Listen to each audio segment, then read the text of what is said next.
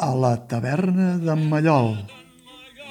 Si riu i plegueja a la taverna d'en Mallol molts hi entren en lluna i en surten amb sol.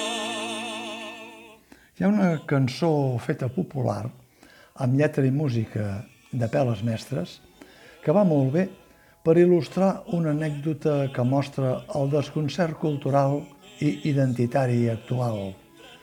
Sobretot, quan aquest desconcert es troba en una corporació nacional d'emissores públiques com la catalana, que, des de fa temps, és a l'ull de l'huracà pel que fa referències que en una altra emissora nacional no passarien. Una de les últimes ha estat una guspira de 3 segons que en un reportatge de TV3 a l'hora del Telenotícies, definia l'obra d'Arístides Maillol com la d'un artista francès. Busquis on busquis, Arístides Maillol, escultor, pintor i gravador reconegut, va néixer a Banyuls de la Marenda, al Rosselló, Catalunya Nord, cosa que li ha atribuït des de sempre la catalanitat com a segell identitari. L'anècdota no aniria més enllà, si no fos que el desconcert es detecta també en la definició geogràfica que fa la mateixa Corporació de Mitjans de Comunicació. Des d'aquells eufemismes com les comarques tarragonines, les comarques lleidatanes o les comarques gironines, amb excepció de les barcelonines que sovint se sortegen encolomant-nos el topònim d'àrea metropolitana, s'ha passat últimament a definicions tan surrealistes com sota la voluntat de fer saber, per exemple, les temperatures de Barcelona, Tarragona, Lleida i Girona, a molts encara els deu sonar la cantarella de l'escola memorística franquista, han passat a presentar-les amb l'eufemisme de les quatre capitals, sense aclarir capitals de què. Davant del dilema, recentment s'ha arribat a sentir que el guionista dels informatius de l'emissora pública catalana s'ha inventat un nou terme geogràfic, les quatre demarcacions. Ni la ploma refinada de Napoleó, que va ser motiu d'inspiració per a la Constitució espanyola del 1812, la popular Pepe, perquè es va signar el dia de Sant Josep, ho hauria fet millor a l'hora de definir la divisió provincial arrossegada des d'aleshores mentre es manté al congelador la divisió per vegueries. La nomenclatura provincial no és l'únic eufemisme que els canals públics, sota el paraigua del recent 3CAT, fan servir. De tant en tant, es retalla verbalment la demarcació i es defineixen com a independents les Terres de l'Ebre o la Vall d'Aran. Feliços els extrems, perquè d'ells pot partir el formatge per vegueries.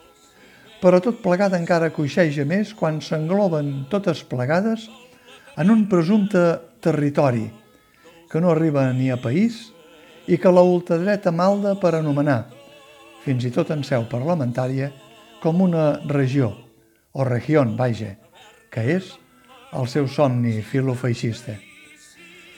Si no s'és capaç d'expulsar-se el complex sociolingüístic ni les pressions polítiques de totes bandes, i es comença anomenant demarcacions l'antic eufemisme provincial, obviant que Catalunya té algunes capitals de comarca tan rellevants com les de mal anomenar províncies, també es pot acabar confonent l'escultor de la Catalunya Nord, Arícides Maillol, amb una imperceptible llatina i enmig del cognom, no en un francès, sinó en aquell taverner que Peles Mestres va immortalitzar amb la seva cançó de taverna, aquella que diu, entre altres coses, a la taverna d'en Mallol s'hi riu i plegueja.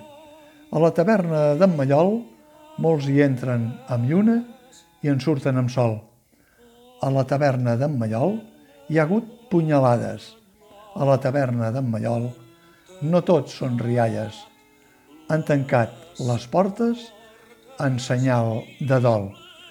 Si la falta de rigor sociolingüístic continua així, en boca d'aquells que haurien de ser el model, potser arribarà un dia que el desaparegut país, que anomenen territori, també haurà de tancar les portes en senyal de dol, com a la taverna de Cal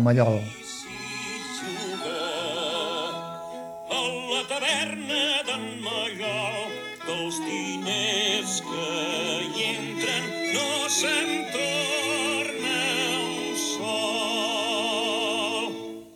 A la taverna d'en Mallol s'hi canta i s'hi balla.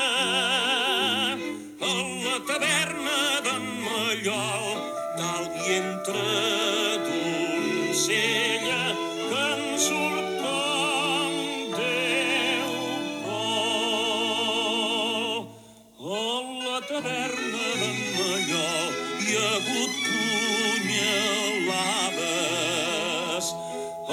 la taverna d'en Mallol diuen que eren quatre contra un home sol.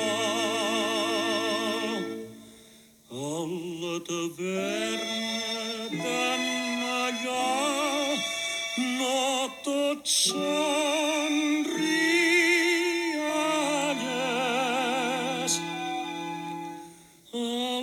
taverna d'en Mallol han tancat les portes en sa